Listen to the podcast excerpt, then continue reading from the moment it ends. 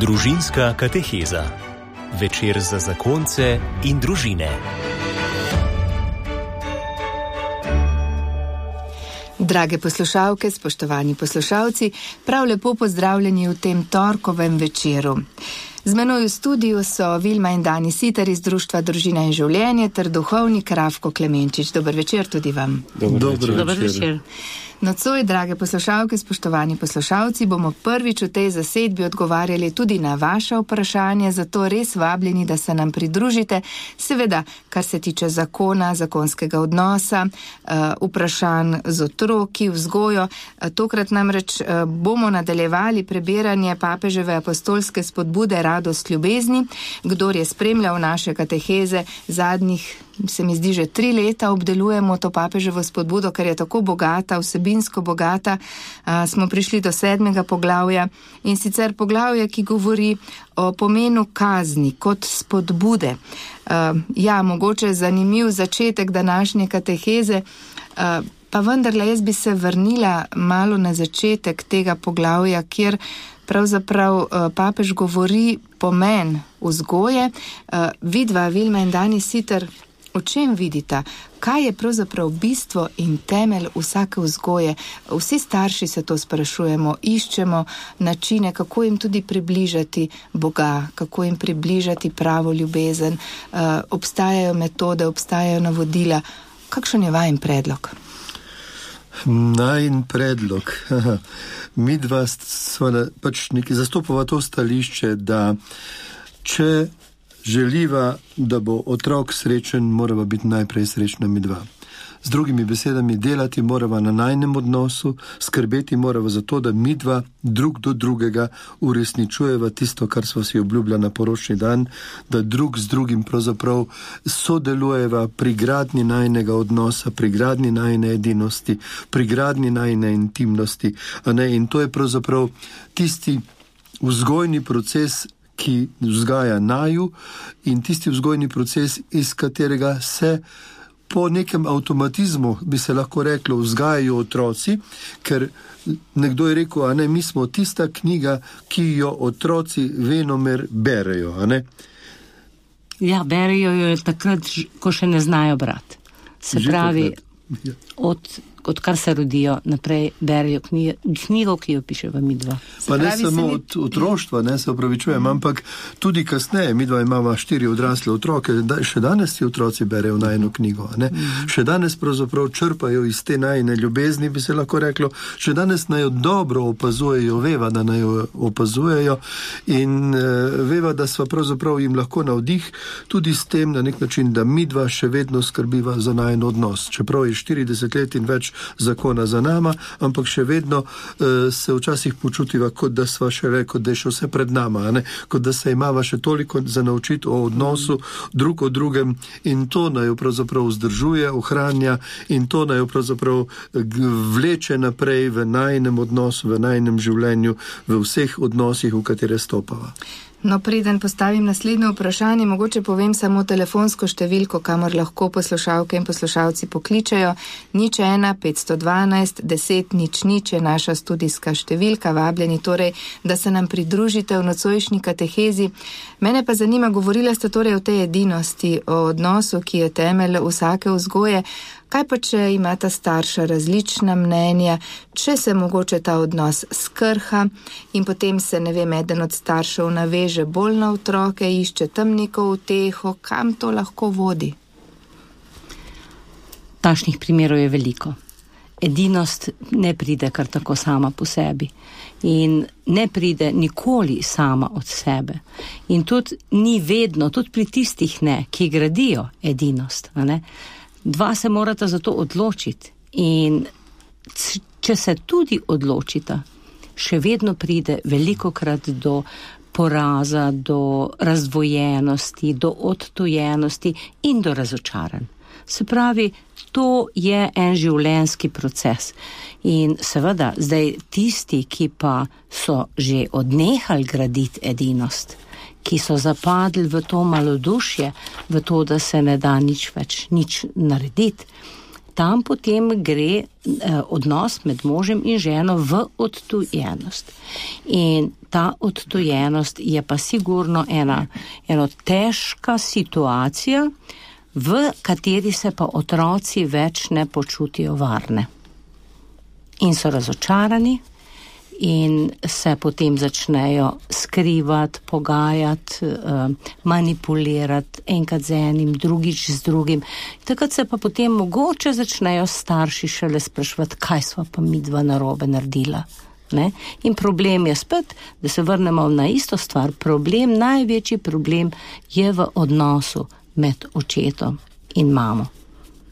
Ja, ko govorimo tukaj tudi o kazni, papež govori o ljubeči graji, o tem, da je kazen nujno potrebna, da občuti bolečino otrok, ki jo je nekomu drugemu povzročil, torej da ve, da niso stvari kar tako, ampak vse izhaja, kot sta rekla, pa iz tega odnosa. Kaj pa, če recimo ta odtojenost pride, če recimo nas nekdo posluša, ki doživlja to na svoji koži in pravi, pri naju pa ni mogoče storiti ničesar več.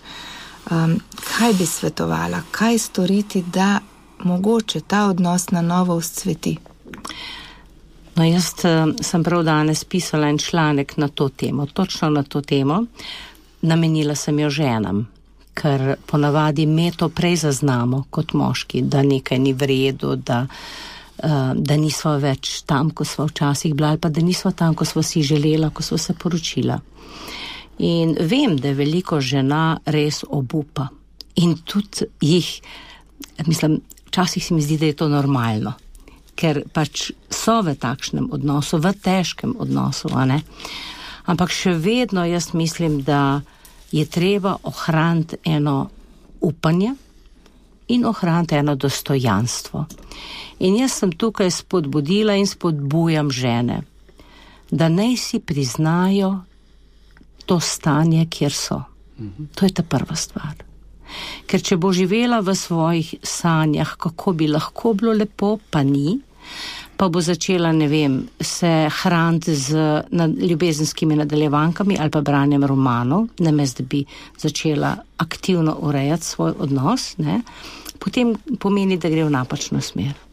Jaz mislim, da to priznanje sami sebi je pa najbolj učinkovito, če ga jaz naredim pred Gospodom, pred Bogom.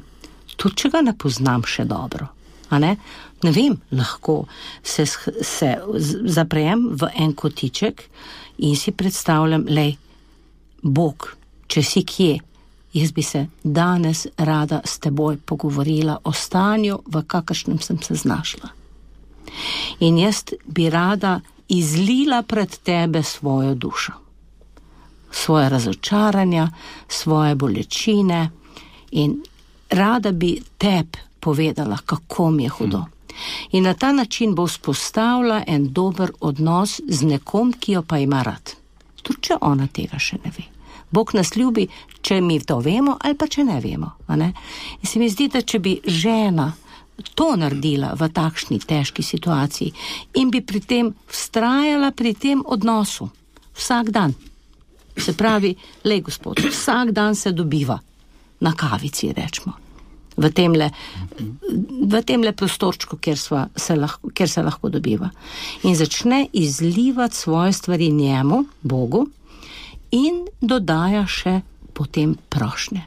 Če si kje, Gospod, pomagaj nama, da bi midva lahko zvozla ta najen odnos spet v pravo smer.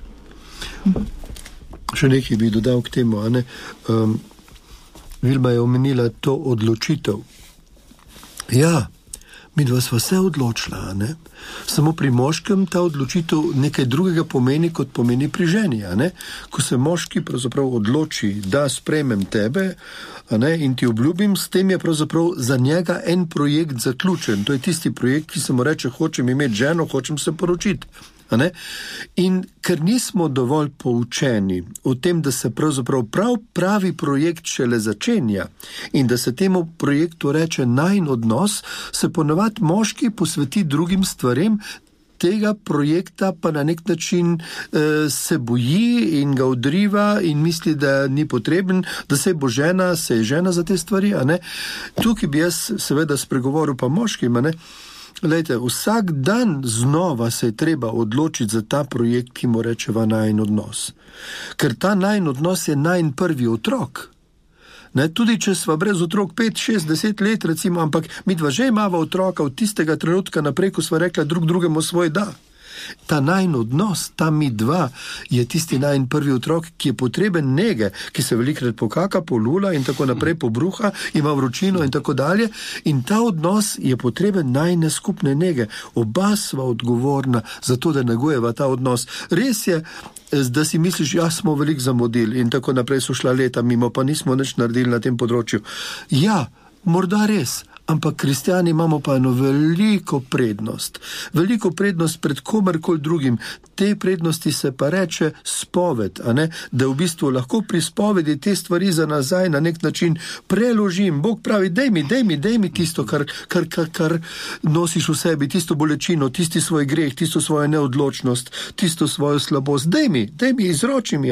In ko mu to izročiš, takrat si nov, frišen, ozdravljen, takrat lahko znova začneš rečeš, kot je bilo rekla, danes se odločam. Aha, zdaj se pa danes odločam, da začenjam, da želim začeti na novo. Mi bo ratalo, ne vem, ampak za danes se odločam, da bom danes gradil naj en odnos. Smo pa pri gradni. Aha, gradnja pa deci, vemo, kaj pomeni gradnja. Vemo, koliko težek je recimo en kvadr, pa koliko težek je en žakl cementa. Ne? To vemo. Podobno je v najnem odnosu. Tudi v najnem odnosu je ogromno kvadrov, pa ogromno žaklov cementa, ki jih je treba znositi na to gradbišče, ki mu rečeva najno odnos. In se mi zdi, da tukaj je za nas ena taka res velika priložnost in privilegij, da smo kristijani, da nas Bog vabi, da na nek način poglej, daj mi, meni daj, pa bom jaz nosil breme, ni treba, da vse nosiš sam. Eh, drage poslušalke, spoštovani poslušalci, vabljeni, da se nam pridružite eh, tudi vi v današnji radijski družinski katehezi eh, na telefonski številki 512 10 nič nič, seveda nič ena je prej, da povprašate naše goste, karkoli želite iz zakonskega družinskega odnosa.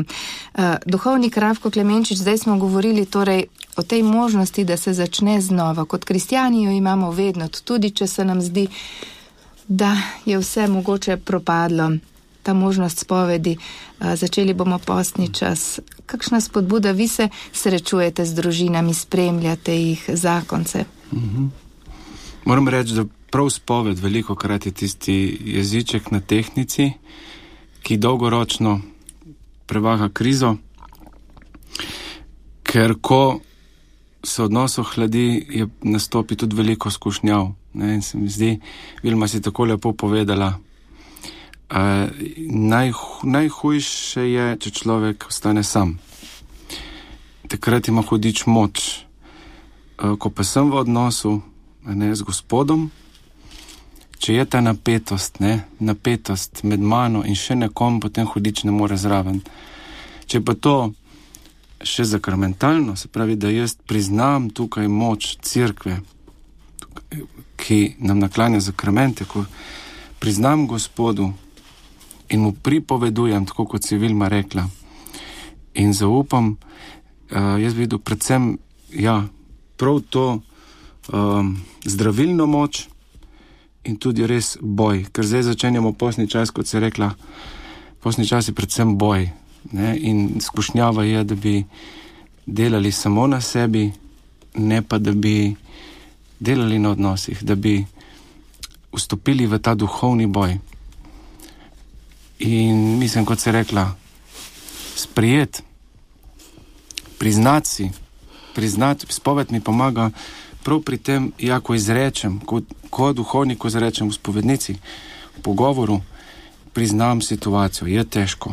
In to je že začetek, se mi zdi veliko krat. Naj, najhuje je, ko nekdo se umakne, nič, torej v svoj svet, reče, nič se ne da narediti. Pa še ena stvar, koga poslušam, kam nastavljam svoje uho. Svet danes ponuja druge rešitve. Glej, kako delajo drugi, če, če ne gre, naredi tako.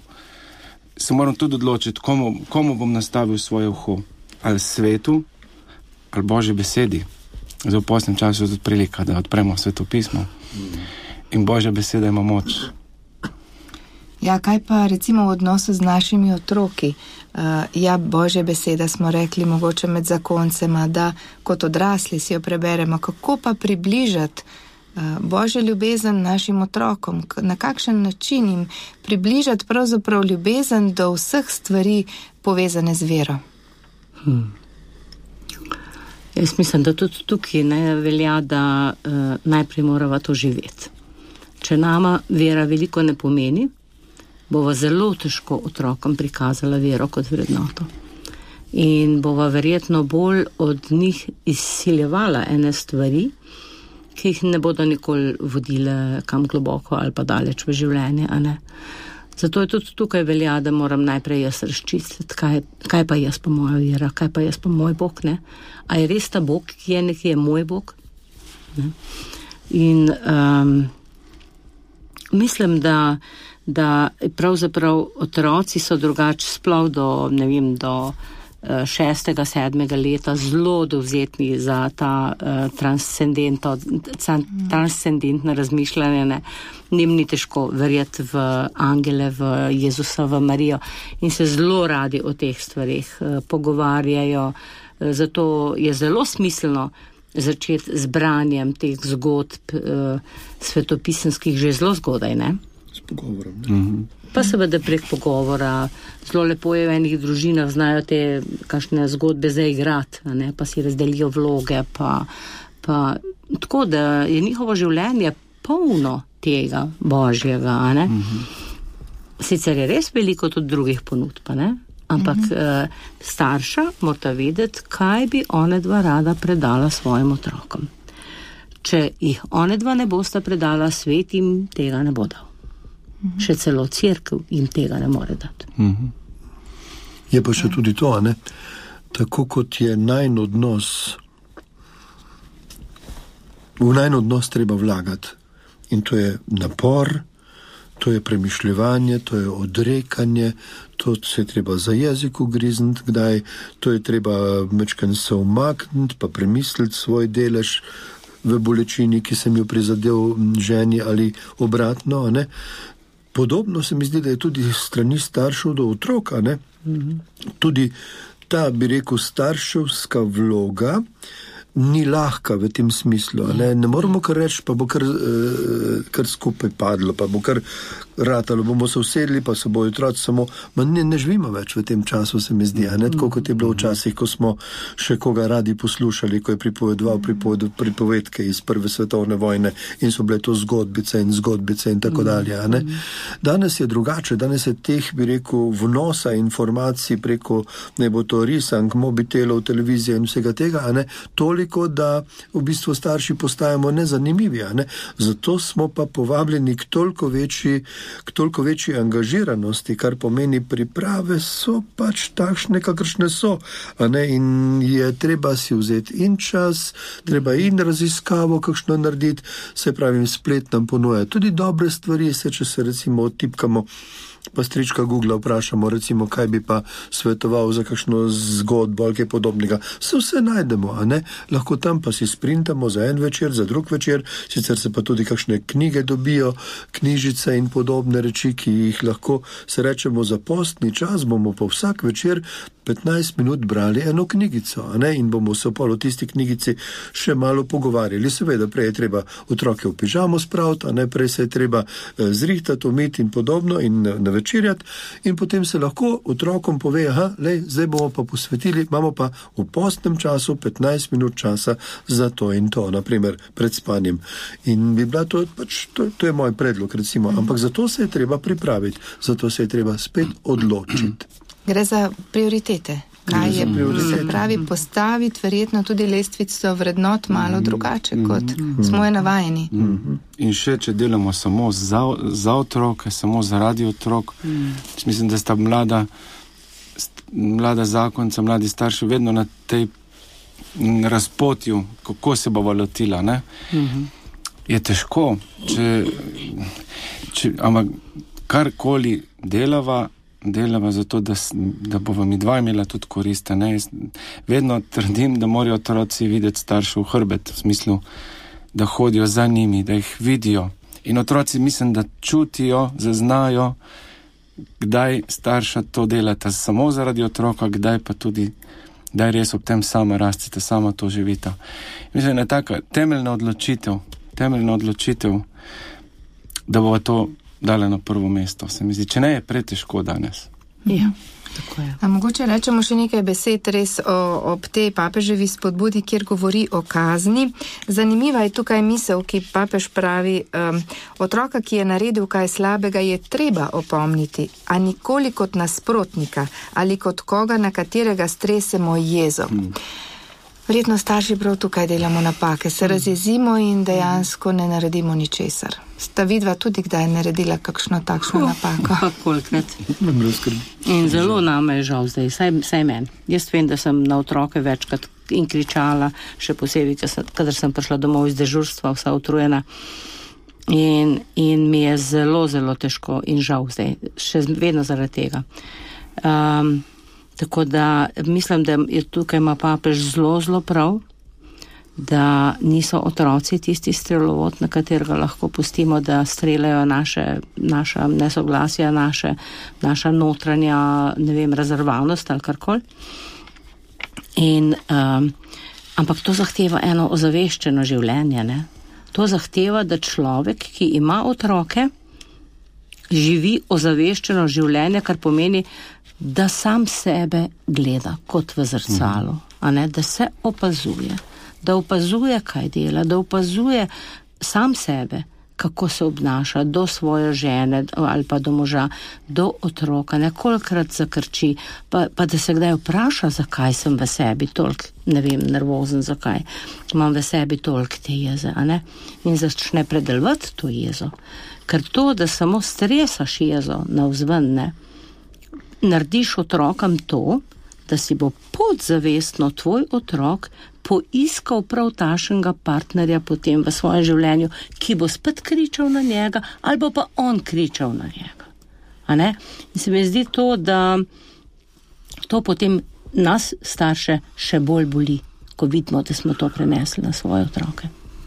Kje pa najti umirjenost, mm -hmm. uh, Dani Sitter? Kje najti tisto sidro, da bomo lahko, ne vem, pridemo domov živčni, utrujeni, izčrpani ali na poti, ne vem, kakšen trenutek zjutraj, kaj storiti, da bomo drugače razporedili svoje življenje, umirili? Če sebe opazujem, vidim, recimo, zdaj bom spet dal eno veliko priznanje moji ženi. Moja žena je bolj disciplinirana kot jaz, ne, in ona si že dolga leta, pravzaprav vse čas, kar smo skupaj, vodi tašen molitveni dnevnik, v katerega se ona zapisuje. Tiste svoje spoznanja, zapisuje tudi svoje stiske, svoje bolečine, svoje, svoje strahove in podobne reči, in pričakuje od, Bož, od Boga odgovor preko Božje besede. In jaz vidim, da kadar jaz tako delam, takrat mi Bog da odgovor. Mm -hmm. Kadar jaz recimo, pridem zjutraj pred Boga, vpraš, ne pred Boga, kot da me On vpraša, me, ko se srečam z Jezusom na kavi, rečemo, ne, ko da me Jezus vpraša, da ni, kako pa si ti danes, kako se počutiš, kaj, kaj nosiš v sebi v tem trenutku, to, to, to jutro, s čim si se prebudil. In če jaz recimo to vprašanje slišim, pa se me dotakne, pa rečem, res res, gospod, le, tole nosim v sebi, tole je tista ali, ali strah, ali bolečina, ali napetost, ali zaskrbljenost v zvezi s tem in onim in tretjim in četrtim, recimo, ali je neka želja, ali so neke sanje, ki bi jih rad spravil v resničnost. In potem seveda je to čisto drugače, če tako začnem ta dan, kot se pravi, da izročim Bogu in potem se mi drugan, dru, dan drugače plete, kot bi se mi sicer. To sem že veliko krat videl. In jaz mislim, da je to tisto sidrišče, da je to tisti pristan, v katerega sem povabljen, da vsak dan znova stopam, da se vsak dan znova pač nekje vračam v ta pristan. In to je tista, no, to je tista vsakdanja odločitev. Tako kot sem ženi rekel, nekoč spremem tebe in ti obljubim, da ti bom ostal zvest v sreči in nesreči, tako kot sem pravzaprav Jezusu rekel, Jezus, le hočem, da si ti moj življenjski sopotnik, hočem, da greva skupaj skozi življenje, ampak ta odločitev hočem, ne, sprejmem in hočem, to ni enkratna za vselej. Jaz jo moram vsak dan znova, skoraj v besedi, z istimi besedami, skoraj jo na nek način izreči ali pa v srcu začutiti, potem se mi druga, dan drugače spelje in odpelje. Potem imam tudi drugačen pristop, recimo, potem človeka, ko ga srečam, tudi tistega, recimo, ki bi me sicer spel pravo slabo voljo drugače sprejemam, kot bi ga sicer. Se mi pa zdi, da je pomembno, da kadar pa imam takšen en, en ritem v svojem življenju, ne, ko vem, da imam to svoje sidrišče, ne, ampak da mi potem čez dan lahko pa zelo pomagajo tudi hipne molitve ali pa vzkliki. Ne? Ko si rekla, ko se pelemo v službo ali pa ko se pelem domov, ne? da vmes rečem z enim sklikom, gospod, prosim te, pojdi ti z mano v, na, v naš dom. Daj mi pomagaj mi, da se bom znal umiriti. Daj, da bom z ljubeznijo gledal na svoje otroke, na ženo in tako naprej.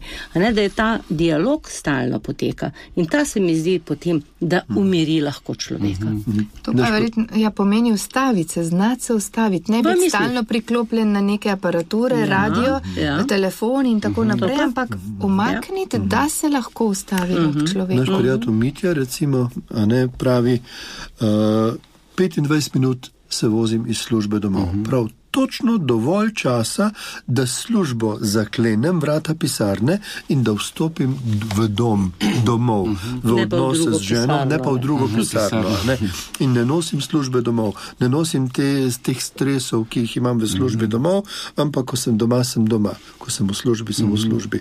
Sem to, to je vaja, to je trening, to je vzgoja. To je vzgoja. Papež govori kar naprej o vzgoji v tem, recimo, ko govorimo o tem. Vzgoja za to, vzgoja za ono, vzgoja otroka, recimo, vzgajati zato, da se bo znal soočiti s posledicami svojih odločitev. Otroka vzgajati zato, da se bo znal soočiti z bolečino in trpljenjem tistega, ki, ki ga je prizadel in podobno. Ne, to je vse vzgoja. Vzgoja pa spet ni, bi rekel. Kar tako lahka zadeva, a ne kar tako od- ne prileti iz zraka, ampak je potrebna mojega sodelovanja in moje zavzetosti.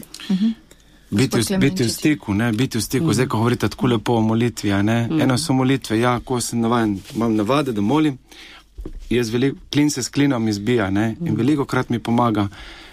Ja, stalno smo danes na omrežjih, na internetu, greš gledati to, ono, tretje. Kako to deluje? Smo v stiku, smo lahko kjerkoli, ne? Če nam tehnologija to omogoča, mi imamo nekaj neizmerno več. In velikrat mi pomaga prav to, ne? Aha, a sem priklopljen na Kristusa, sem, aha, sem. Wi-Fi. In ko sem v stiku, je drugače. Zdaj ta mirnost, ne? Kako doseči mirnost.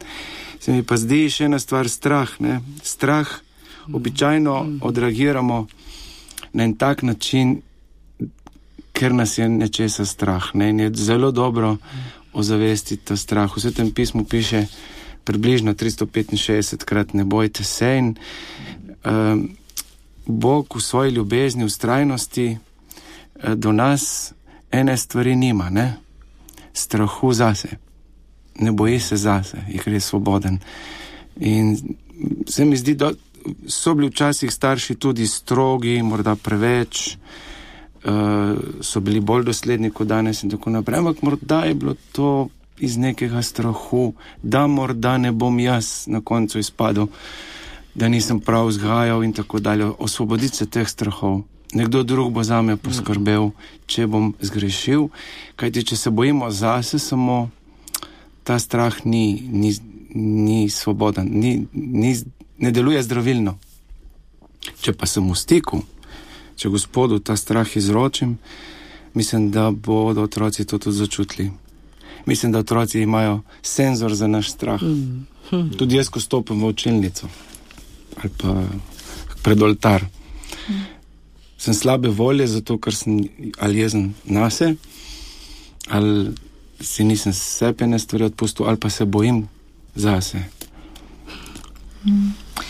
Ja, drage poslušalke, spoštovani poslušalci, spremljate družinsko katehezo. Eh, Vabim vas, da nocoj sodelujete tudi vi zraven, lahko pokličete, poveste kakšno izkušnjo, postavite kakšno vprašanje na telefonsko številko 502 nič 1 512 10 nič nič.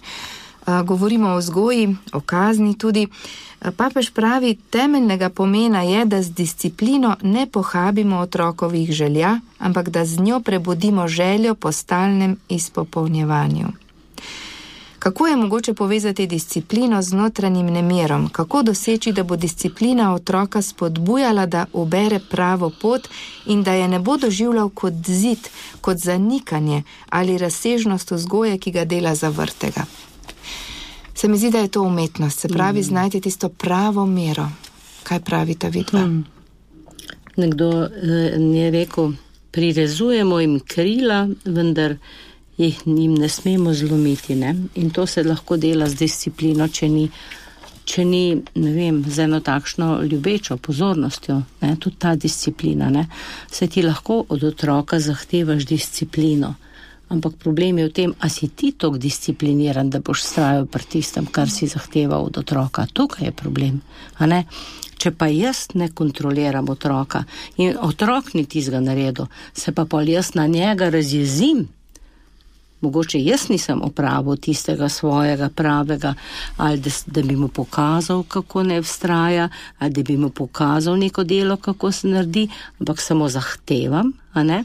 In če on tistega ne naredi, pa pa se na, njem, na njega zderem, ne? to sigurno, da, eh, da se velik straha v takšnega otroka ugradi. In ta strah potem otroka tudi nekako, ne vem, ohromi. Ne, ohromi, da niso več toliko, ne vem, inicijativni, toliko veseli, toliko razigrani. Vse to se potem naredi s tem uh, nepravilnim um, ugrajevanjem discipline v otroka. Mm -hmm. Ja, na telefonski zvezi imamo poslušalko Marijo. Uh, dober večer, se slišimo? Ja, dober večer, Marija iz Ajdoščine. Povejte. Uh, hvala za vašo oddajo in za čudovite goste. Jaz pa sam eno izkušnjo delila. Zelo slabo. Dvana... Gospa, Halo? mogoče imate radio prižgan? Pa ja, lahko ja. Dejte ga ugasniti. Ja, zaradi tega bo boljš, boljš se bo slišalo. Ja. Jaz imam pa eno izkušnjo, imam uh, 12 veka, uh -huh. mlajši je 16 starejša 18. In vedno, ko so tam odhajali že od malih nog v šolo, v naravi, na tabore, vedno sem jih pred odhodom pokrižala.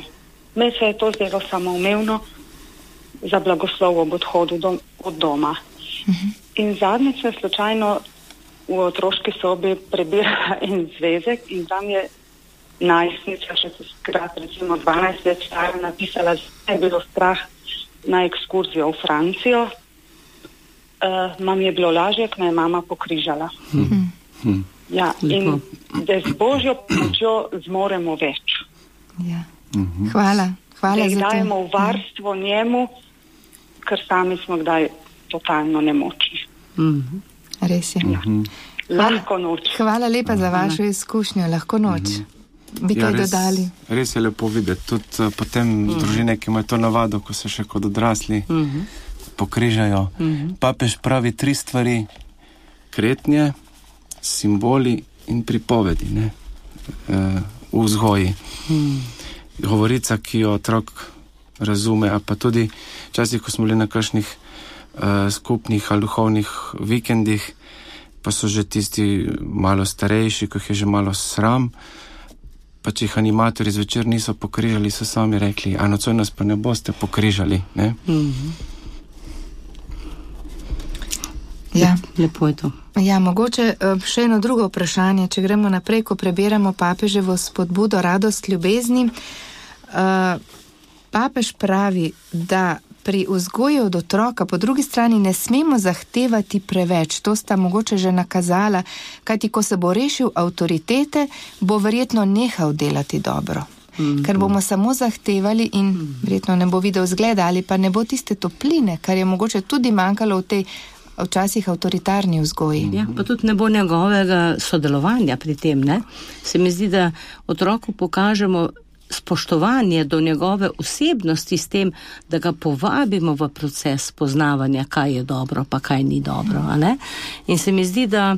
Starši ne bi smeli zamujati priložnosti, ko otroci nekaj naredijo narobe. Ne, seveda jih je treba okregati ali pa seveda mu sporočiti na nek način, da ni prav naredu, ne?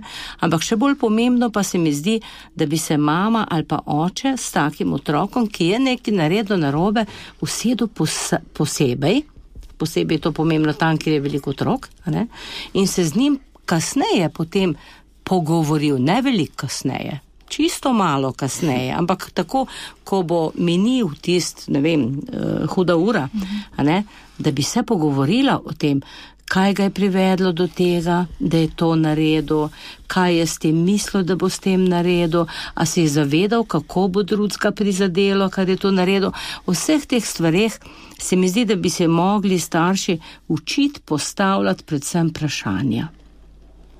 Ker prav s vprašanjem, se pravi s tem, da smo mi radovedni o otroku, kaj se v njem dogaja, da s tem mu damo priložnost, da začne tudi on v svojem miselnem procesu razvijati to odgovornost do svojih dejanj.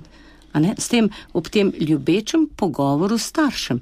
Ker če pa tega ni, če pa samo od zgoraj, to pa ne smeš, to pa te bom pa to pa to, če pa boš dober, boš pa to pa to, se pravi to grožnja z kaznijo ali pa kupovanje z manipulacijo, nikamor mm -hmm. ne, ne pelje, nikako ne, pri, ne pripelje do te uh, svobodne odgovornosti otroka. Drage poslušalke, spoštovani poslušalci, nocoj poslušate radijsko družinsko katehezo v studiu z menoj so Vilma in Dani Siter in duhovni Kravko Klemenčič. Pogovarjamo se o vzgoji, o tem, kako je odnos med zakoncema temelj za vzgojo otrok, govorili smo o kazni, o tem, kako je treba otroku pomagati, da sam izbere potem pravo pot, da um, takrat, ko se rešijo avtoritete, da ne bo potem nehal delati dobro, ampak da bo nadaljeval s tem, kar smo skupaj z njim ustvarjali. Uh, papež govori potem tudi o razliki med prostovoljnim in svobodnim ravnanjem ter omenja primer odvisnika z mamili. Kakšna je razlika med vsemi, med obema? Pravi, da m, lahko kdo zelo močno stremi po čem, kar je zlo, kar pa ima svoj izvor v neustavljivi strasti ali v slabi vzgoji. V tem primeru je njegova odločitev čisto prostovoljna, ampak ni svobodna. Torej, um, včasih si mislimo, da je svoboda v tem, da delamo, kar hočemo, kar jaz trenutno imam neko zgib in hočem. Ampak papež pravi, da to ni svoboda, gospod Klemenčič. Ja, ni, ni svoboden, ker je odvisen. Uh, in v takih primerih ne moramo iti na to, vse se bo sam odločil, ne? ampak mu je treba pomagati. In uh, občutek za svobodo je zelo delikatno. Ne? In, uh, in mislim, da tukaj spet gre za zaznavanje. Ali, ali je ali je nekdo tukaj še sposoben sam, ali pa mu je treba pomagati na drugačen način. Mislim, da to, to razlikovanje se mi zdi temeljno. Mhm. Na telefonski zvezi že imamo naslednjega poslušalca Lojzeta, ki pravi, kar se tiče vzgoje, da otroci ne ubogajo kljub večkratni zahtevi. Gospod Lojze, ste z nami na telefonski zvezi? Lepo zdrav želim. Pozdravljeni, povejte. Živijo. Najprej pozdrav vsem skupaj vam v studiu. Uh, ja, uh, Moje vprašanje pa je, prej smo ste govorili, pa sem z zanimanjem poslušal, uh, kako s pogovorom, kako s pogovorom. Ne? Pa se zgodi, uh, da proba s pogovorom, da bomo rekli, se en konkreten primer pospraviti svojo sobo, urediti svoje stvari in uh, po proba mami se pogovarjamo, vse vključim jaz, uh, to počnemo tri dni in, in, in še kar ne gre in ne gre. In, obljubimo že nagrade in obljubimo kazni, uh, pa, pa vendar ne gre. Kaj potem? Kaj takrat, kaj takrat da bi otrok uh, uh, ostal svoboden, da bi ostal odgovoren, da ne bi čutil samo njega pritiska, pa da bi konec koncev vse to naredil. A pa kazen izvršite potem? Ma ja, probamo biti ženo uh, dosledna, ne? samo velikrat se sam m, počutim v narekovaju zmaja, ko pač moram tiste skrajne, uh, skrajne eh, zadeve uporabiti. Ne? Ne vem, pač neke prepovedi. Ne boš šla s kautom, če pač ne boš to naredila. Oziroma, ne, vedno pa uporabimo, če gre za, za to se pravi, za neke prepovedi. Neke realne stvari, ne tisto, kar ne moramo narediti. Ne bomo šli na morje, veliko slišimo od kakih staršev, pa ja, ja. ne, mhm. nesmiselno. Mhm. Ampak recimo, na kak način se ti zdi včasih, da pogovor obljubi vse, ampak potem pa ni tega. Ne? Verjetno niste, niste edina starša, ki se s tem soočata. Gospod Lojze, hvala lepa za klic. Vilma in Dani Siter, kaj bi vidva svetovala? Lojzi, pozdravljen, živijo. ja, Jaz se spomnim, da so nas eni prijatelji, ki so napisali to knjigo Otrokovo osebnost gradimo z ljubeznijo in zaupanjem, nekoč učili, da eno, eno navado ali pa eno eh, znanje otroku pač ne moreš v trenutku predstaviti, ampak v bistvu je to en proces, ki lahko traja čist cel mesec. In ta proces, ki traja en mesec, pomeni, da se en mesec z otrokom učiš eno stvar, eno bi rekel spretnost ali eno, eno zadevo, ki jo pač želiš otroku povezati in pokazati.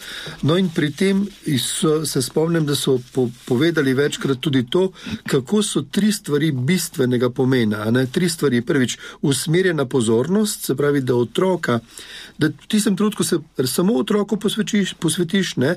usmerjen pogled v oči, da, da vzpostaviš očesni stik z otrokom in pa dotik. Otroka držiš za roke, recimo, a ne se usedeš ali pa na njegov nivo spraviš, a ne se pravi, da, da, nisi, da nisi ti velik, največji in tako naprej, otroke pa mečken. In v tistem, pol pa tisto, kot je prej Vilma rekla, a ne vzeti si čas pa iti nekam posebej z otrokom, pa se pogovoriti, pa ga z vprašanjem, kaj ti misliš, kaj bomo mi to naredili. A misliš, da, da je tako prav, ali bi lahko bilo kako drugače, kaj bi ti lahko naredil? Ker tukaj, uh, tukaj so pravzaprav procesi.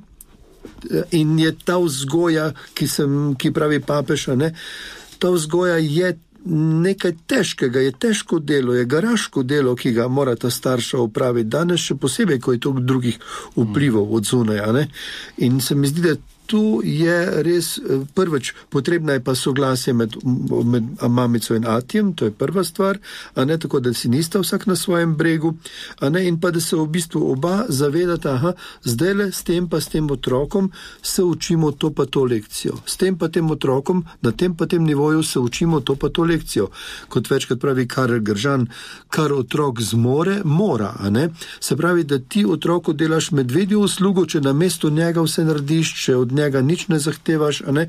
In tudi tukaj pravi papež govori o teh pravicah in dolžnostih. Ena skrajnost so same pravice, pravi, ni dobro. Ne? Otrok mora vedeti, da niso samo pravice, ampak da so tudi dolžnosti. In se pravi, je pa res treba prilagoditi starosti otroka, treba prilagoditi nivoju otroka in pa. Eh, pač načrt pripraviti za to, načrt za vsako lekcijo posebej. No? Drugače jaz ne vidim, ne? To, je, to je trenutno moj, moj, moje razmišljanje. Drugače pa Lojz, jaz verjamem, da se zelo trudita in še nikoli ni nobenem staršem kar ratal, veš, in tudi, tudi nam ni. In tudi mi dva smo delala veliko napak in vidva, da zdaj tudi drugi delajo še napake, pa smo še vseeno vsi preživeli. Tako da kar vesel bo naprej, pa se trudi, neki bo že ratal z tega. Brez skrbi. Prva zdaj. Evo, hvala lepa. Ja, gremo sedaj naprej. Um, papež pravi, da je prva šola človeških vrednot in res s tem nadaljujemo to vprašanje, ki ga je postavil Lojze. Prva šola človeških vrednot je družina. Tam se naučimo, kako uporabljati svobodo. Kako torej tisto, kar pridobimo v družini, v, ostane potem v odrasli dobi? Papež pravi, torej, družina je tisti kraj, mogoče se nam zdi res pri vzgoji, da smo naredili napake, da ne znamo, ampak vendarle je družina tisti zaščiteni, um, prvenstveni prostor, ki lahko otroku da vrednote, kar mu nihče drug ne bo mogel dati. In to je sigurno res. Ne? In uh, vsi starši, ki se mogoče kdaj zgovarjajo, da nimajo več nobene kontrole nad svojimi otroki, ne? to je ena takšna nekako ena laž, ki se plasira v svet, ne? ker dejansko je res, da imajo še vedno starši največjo vlogo v življenju otrok. Ne? In, in tega se moramo mi zavedati, ne? da nihče drug ne more upraviti te funkcije, kot jo lahko mi in ustvarjati eno takšno varno ognjišče, kjer se bodo otroci dobro počutili, pa tudi, če se bo kdaj, ne vem, povzdignilo glas za to, da bo prišlo do izpolnitve vem, enih, enih uh, dogovorov in tako naprej, ni še nič tako hudega. Važno je, da se pogovarja, važno je, da se opravičijo en drugmo, tudi starši, kad razgrešijo, tudi en drugmu, mož žen, ženi, žena možu in pa tudi otrokom, kadar vidijo, da so kaj narobe naredili, da je en takšen odprt odnos, da bodo otroci videli, da njihovi starši tudi niso popolni. že svetniki in popolni, da se tudi oni zmotijo in da se ne bodo delali pred otroci eh, vse vedni in, in tisti, ki pa vedno imajo prav, ne? da bodo se naučili, aha, se če one dva ne veste še vsega, pa sem pa tudi jaz kar dober kot otrok, če še ne znamo vsega, pa ne zmoremo vsega. Se pravi, res v eni takšni ljubeči, v ljubečem okolju. Boži neki dobrega zrasli. No? Kaj pa bi recimo svetovali, gospod Klemenčič, staršem, ki mogoče nas zdaj le poslušajo, pa pravijo, da niso sposobni izreči te besede oprosti. Aha. Ni lahko to izreči. Ni lahko, ja, ni lahko. ni lahko, uh, ampak je treba. Mislim, da drugega recepta ni, no ne vem. Če imate vi dva boljši recept, ampak se treba prav iti preko sebe in prav vedeti uh, to, da je treba besedo izreči in beseda deluje in začeti vaditi res pri, med nami odraslimi. Um, ja, in če to, če to delamo v molitvi, to pa lahko, morda lažje se vsakemu, če našo molimo, od, prosimo, odpusti. Um, ampak med nami pa je težko. Ampak otrok mora to slišati, po mojem. Jaz bi v zvezi s prejšnjim rad še tole rekel. Uh, danes lahko veliko pomaga, če vsaka družina zase ugotovi, kaj je naša družinska identiteta, kaj je tisto, kar nas, ki se pišemo siter, a ne? Kdo smo siterjevi, a ne kaj je pravzaprav za nas značilno, kaj radi delamo, kakšni smo po značaju, eh, čemu se radi smejimo, a ne kaj nas razjezi, kaj so tiste stvari, ki jih radi počnemo skupaj ali pa vsak zase, kaj pravzaprav je ta naša družinska identiteta. Tako da se začnemo o tem spraševati. In potem, se pravi, ampak da vsi sodelujemo, tako otroci, kakor starši, da v bistvu je to en projekt. Mogoče bi bil to projekt za postni čas. Zanimiv projekt. Zelo dober. In lahko spodaj napišemo še, uh, se opravičimo drug drugemu. Se pravi, če bo tam napisano na tistem listu, bo tudi tisti, ki se težko opraviči, bo mm. pač videl, aha, tukaj imamo napisano. Pri nas, ne? Ne, ja. pri nas se opravičimo, kadar kdo naredi kaj narobe ali pa ko nekoga prizadene. Ne? Zakaj ne bi bila to res ena takšna postna družinska Aha. akcija? Ne? Mhm. Pri nas, pri nas se trudimo pomagati drug drugemu. Pri nas smo na razpolago drug drugemu, pri nas smo prijazni in tako naprej. Skratka, pri nas ne govorimo grdo, pri nas ne preklinjamo in tako naprej. Skratka, pri nas jezo probamo, bi se reklo, le čim bolj eh, nekako omejiti. Ne? Skratka, da, to, da je res, mogoče to je res ena tako zanimiva postna pobuda, zato da bi družine v tem času razmišljale, kdo smo mi in da bi potem na veliko nočno jutro, a ne prinesli, recimo, da to prinašamo na oltar. Gospod, ti vstali, Kristus blagoslovi tole našo družino, ki se je opredelila do teh pa teh vrednot, do teh pa teh mhm. značilnosti. In, in pri tem ustrajati in verjeti v to, kar odrasli moramo verjeti. Uh, tudi takrat, ko bodo mladostniki zavijali z očmi, kaj smo se zdaj spomnili. Ustrajati, ker uh, tudi če zavijajo z očmi, nas preizkušajo, a to resno mislijo. Mm -hmm in šele na koncu, ali pa morda čez leta, nam bodo povedali. Ne? Uh -huh, uh -huh. Ali pa takrat, ko se sošolci ali pa prijatelji ne, nekaj počnejo, uh, mi pa ne smemo. Ne? Uh -huh. Ja, lej, mi smo se odločili za to, pa to, mi smo taki, pa taki, mi tega pri nas ne počnemo. Če pa misliš, da nisi naš, pa pojdi, ampak ne.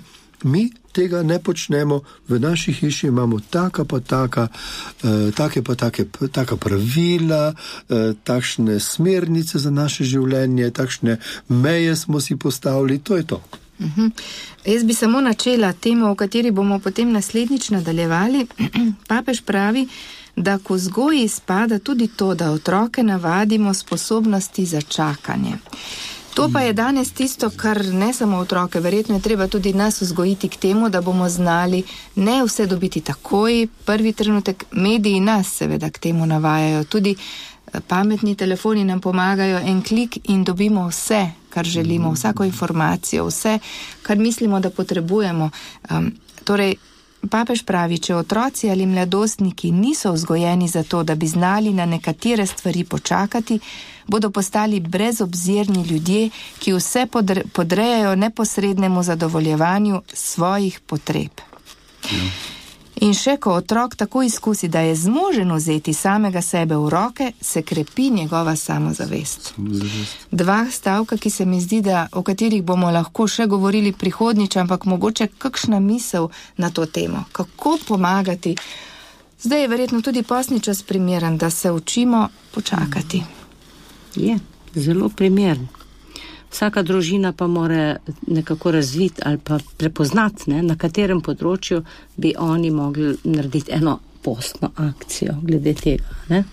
Jaz za sebe vem, da se zdaj poskušam ozaveščati, ne, da, uh, da bom poskušala v tem postu ne zahtevati od moža ene stvari, takoj ko si bom jaz spomnila, a mi lahko ti to narediš pa če ni v tistem trenutku, me pa že jezi, da mi ni tiska ustrego.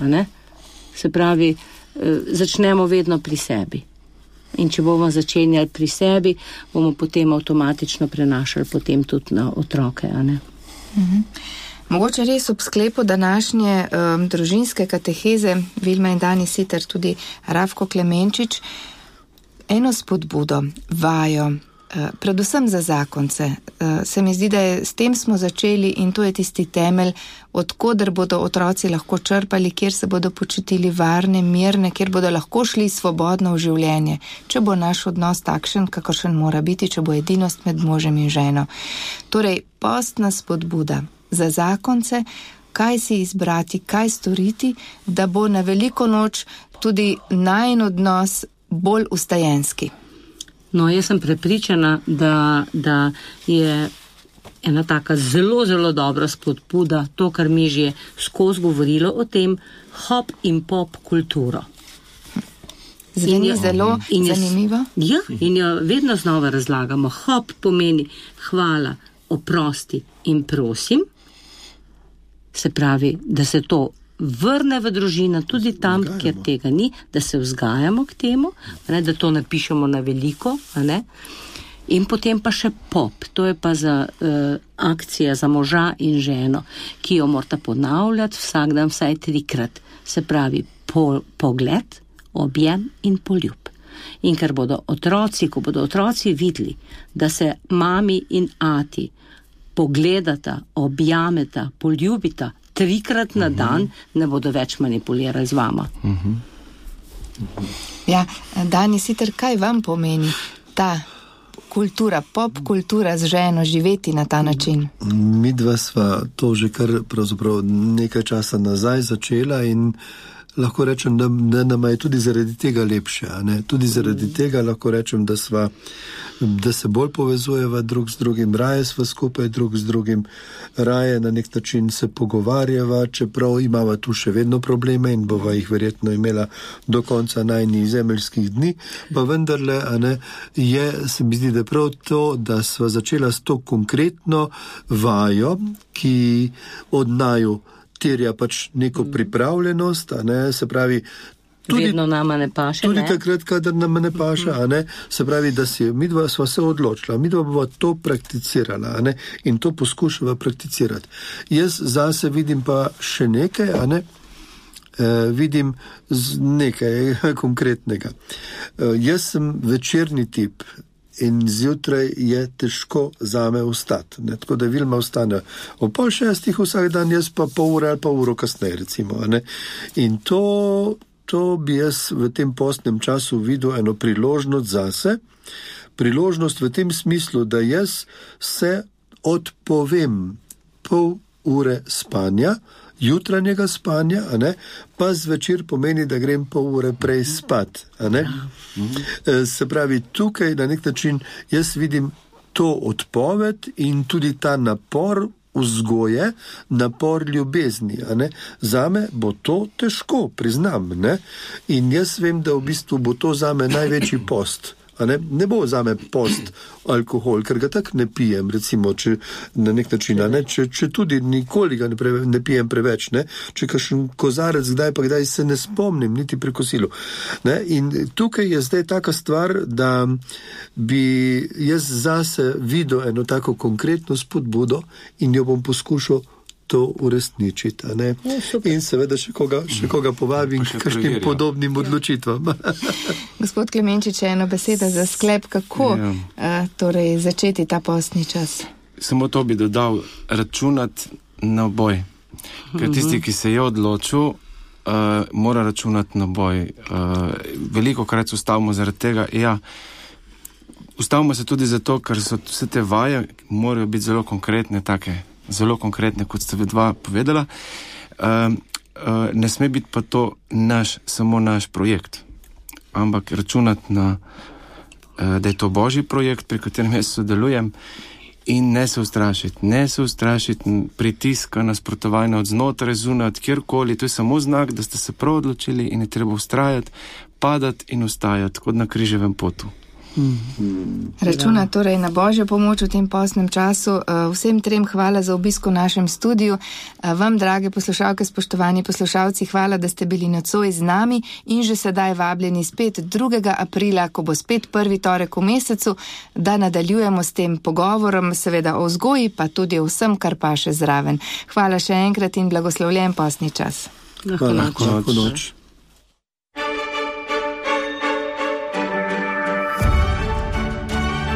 Na radiju Ognišče ste poslušali družinsko katehezo.